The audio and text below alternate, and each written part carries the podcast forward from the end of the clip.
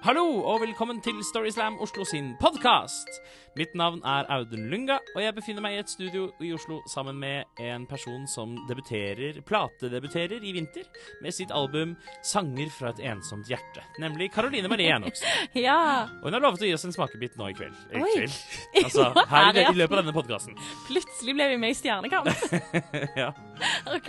Vil du synge litt Ja. med en gang? Ja Få høre. Jeg er en owner of a lonely heart. Ja. Så hvis dere, dere der ute er interessert, så er det bare å følge spent med. Ja, det var plagiat, men Spotify. Ja.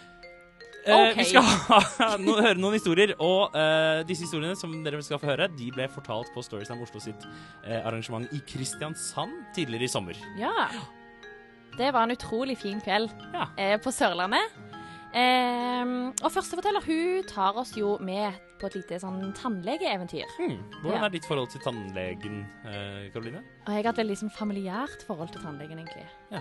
For jeg har hatt regulering både som barn og i voksen alder. Ja. Jeg har tilbrakt veldig lite tid hos tannlegen, så jeg ser, frem til å tilbringe veldig mye tid hos tannlegen Ja, i fremtiden. Da. ja. Bruke opp eh, pensjonen din hos tannlegen. Det er det jeg ser, ser frem til. Det er livet ditt. ja. OK. Men da la oss høre fortellingen til Bjørg.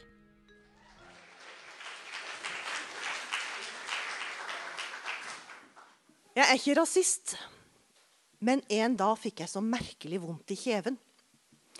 En sånn diffus smerte som liksom kom og gikk. Litt som de første veene før en fødsel. Eller som om en tropp med speidere var på tur der inne og ikke helt hadde bestemt seg for hvor de skulle slå leir. Jeg ringte til legen min, øh, og han sa at jeg skulle vente og se. Og så gjorde jeg det, og så blei det verre. Og så var det bare det at jeg skulle reise på et kurs i Oslo. Og kvelden før jeg skulle reise, da merka jeg at eh, disse her speiderne de hadde valgt leirplass.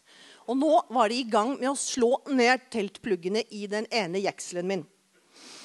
Men jeg skulle med det første toget, så jeg hadde jo ikke sjans til å komme meg til tannlegen. Så jeg tenkte ja, ja, jeg får bare la det stå til.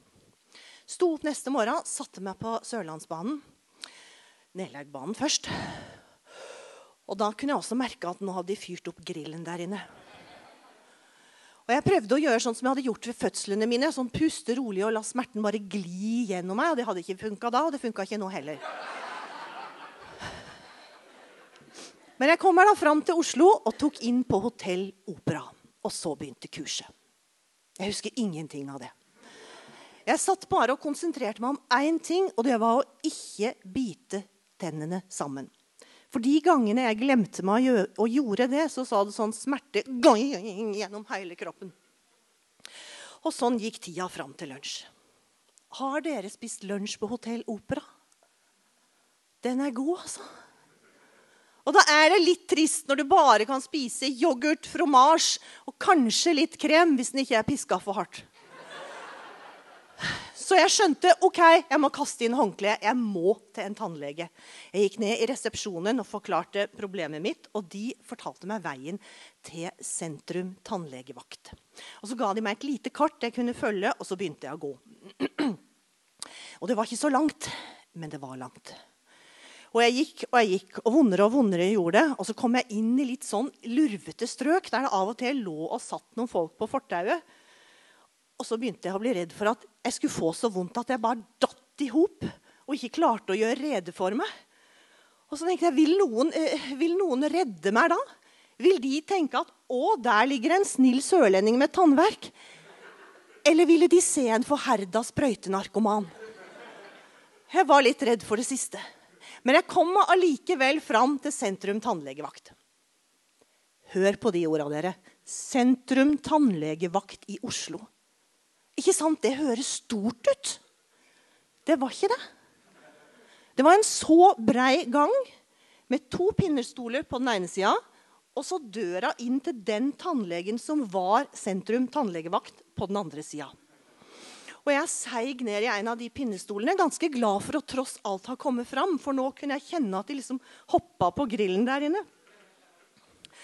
Og så satt jeg og så på døra. Og nå er vi framme til innledningen min med dette her med å ikke være rasist. For navnet på den tannlegen, det var ikke mye norsk. Og så tenkte jeg på tannlegen min hjemme i Arendal. Han, han er hvit, han. Han er helt bleikrosa hele året. Han er så langt fra albino. Og jeg følte meg rimelig sikker på at han tannlegen her inne på bak den døra, han hadde kanskje aldri vært i Arendal engang. Og jeg satt der og lot meg fylle av en fremmedfrykt som ville rørt Sylvi Listhaug til tårer. Og mens jeg satt der og gjorde det, så falt blikket mitt på det bildet som hang ved siden av døra. Og jeg er jo ikke tannlege. Jeg vet ikke hva jeg ville ha hengt opp som pasientene mine kunne se på. Men der hang det i hvert fall en kornete forstørrelse av et svart-hvitt-foto av noen halvnakne, mørkhuda slaver i lenker. Og de sto der med tomme, triste blikk. Sikkert rett før de skulle gå om bord, stua ned i bånden av et slaveskip og frakta av gårde. Og jeg så tilbake på dem med det samme tomme, triste blikket, og så tenkte jeg Ja, sånn er det. Og jeg følte at vi forsto hverandre. For det skjer noe med perspektivet ditt når du har skikkelig tannverk. Og mens jeg satt der og bonda med de slavene, så går døra opp, og ut kommer tannlegen. Og nei, han var ikke mye albino. Så tok han meg med inn på det knøttlille tannlegekontoret mitt, og så tok han røntgenbilde. Og det var ikke sånn som kommer opp på en stor, fin skjerm, sånn som tannlegen min har hjemme i Arendal. Nei, det var et sånn lite, gnidrete bilde som må holdes opp mot lyset for å hele tatt kunne se noe. Og på det lille gnidrebildet der kunne han se en betent tannrot. Og så tok han, flinkt og forsiktig, og bora ut hele speiderleiren, la en midlertidig fylling og fjerna all smerte, og den har ikke vist seg siden. Og ikke var han dyr heller. Og jeg gikk derfra med uendelig lette skritt og var kanskje hakket mindre rasistisk. Det kan vi i hvert fall håpe på.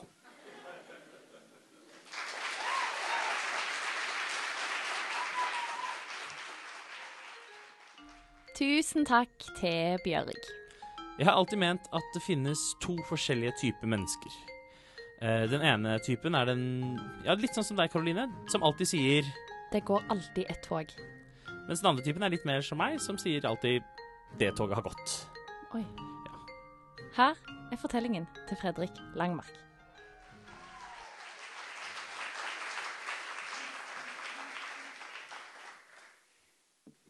I 2009 jobba jeg på filmen 'Johan barnevandrer'.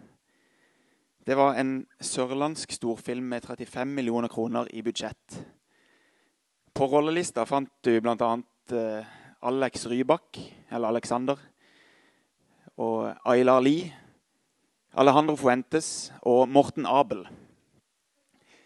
Og eh, Opptakene fant sted i Marnardal i Indre Agder. Eller det, var- det jeg jobba på. Det var midt på vinteren, og det var kaldt. Det var veldig kaldt.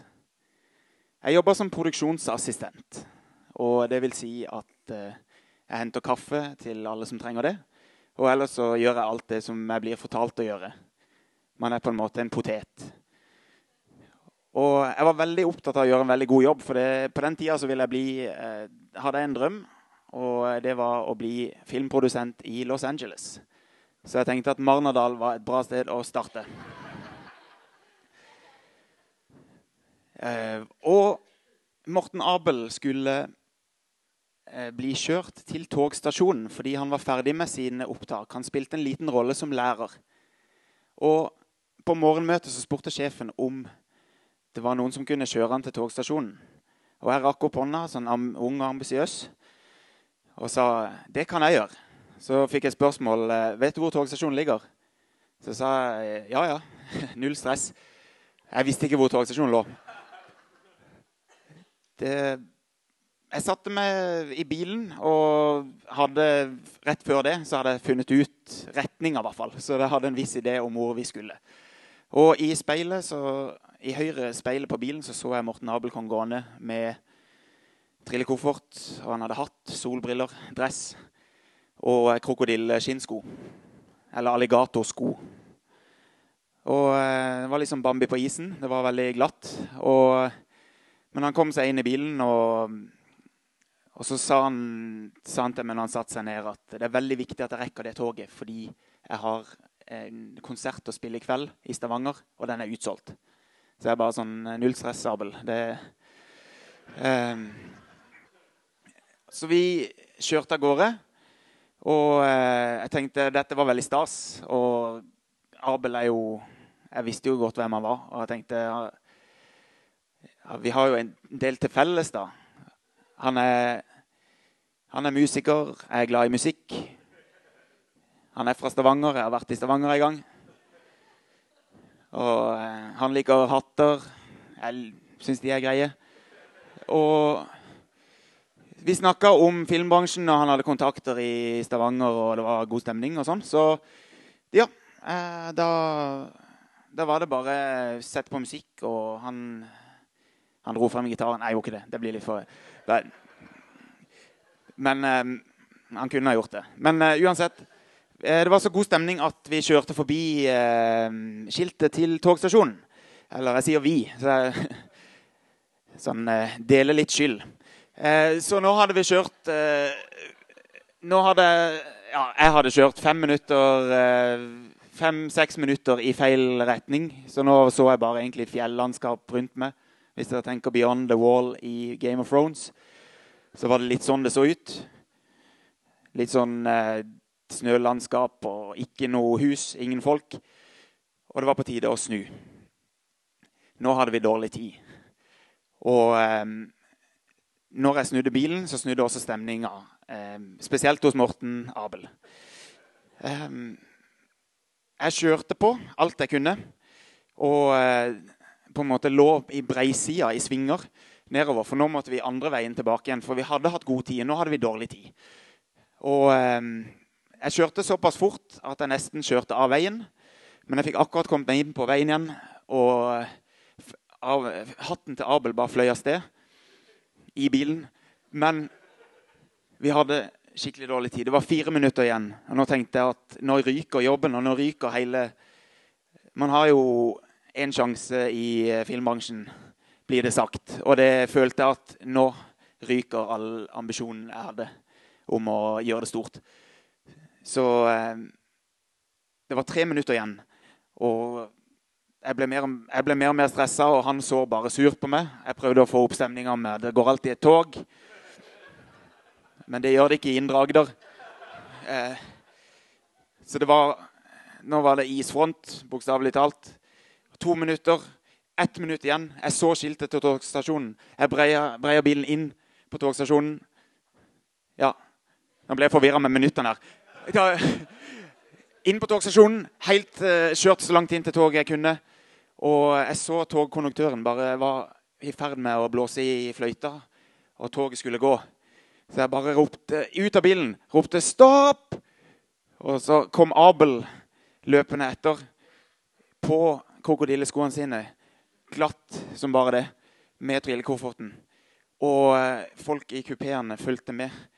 Mest både på om han kom til å falle på isen, og om han kom til å rekke toget. Han kom til å rekke toget. Han fikk det signalet av konduktøren. Og på veien bort til toget så stoppa han opp og ga meg en klem og sa det'. Og eh, jeg så Abel og toget kjøre av sted, og jeg pusta letta ut. Og eh, så ble det aldri noe eh, filmbransje på meg. Eh, ikke på grunn av det nødvendigvis, men det, en, det var en faktor. Eh, og jeg ble heller ikke, heller ikke jobba som privatsjåfør. Eh, men eh, tenkte når jeg sto der, at dette, dette, blir en bra historie å fortelle en dag. Så her står jeg i dag, da. Mm.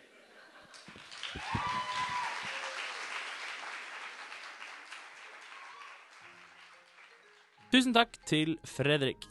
Ja. Og hvis du, som Fredrik, tenker at du har opplevd noe som seinere ville blitt en veldig god historie, og tenker at den kunne jeg ha tenkt meg å dele på scenen, så syns jeg at du skal ta kontakt med oss. Ja, Vi er alltid på jakt etter eh, nye fortellinger og nye fortellere. Ja, og det kan du gjøre på følgende måte. Du kan sende oss en e-post på post at storyslamoslo.no, eller ta kontakt med oss på vår Facebook-side.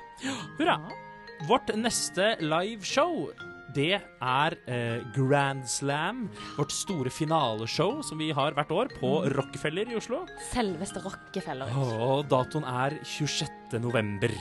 Billetter ligger allerede ute for salg og har allerede begynt å selge, visstnok. Absolutt. Og eh, vi har også en Facebook-event som du kan finne. Ja. Så kom og se på show! Det blir fantastisk Det blir fantastisk Dette her. Vi inviterer eh, tidligere vinnere og finalister gjennom året til å komme og konkurrere om å være best av de beste. Ja. Nivået er høyt. Å, det blir gøy. Det står mye på spill. Ja da. Mm. Eh, og i mellomtiden så kan du selvfølgelig følge oss på Facebook og Instagram, og ikke minst abonnere på denne podkasten som kommer ut med ujevne mellomrom.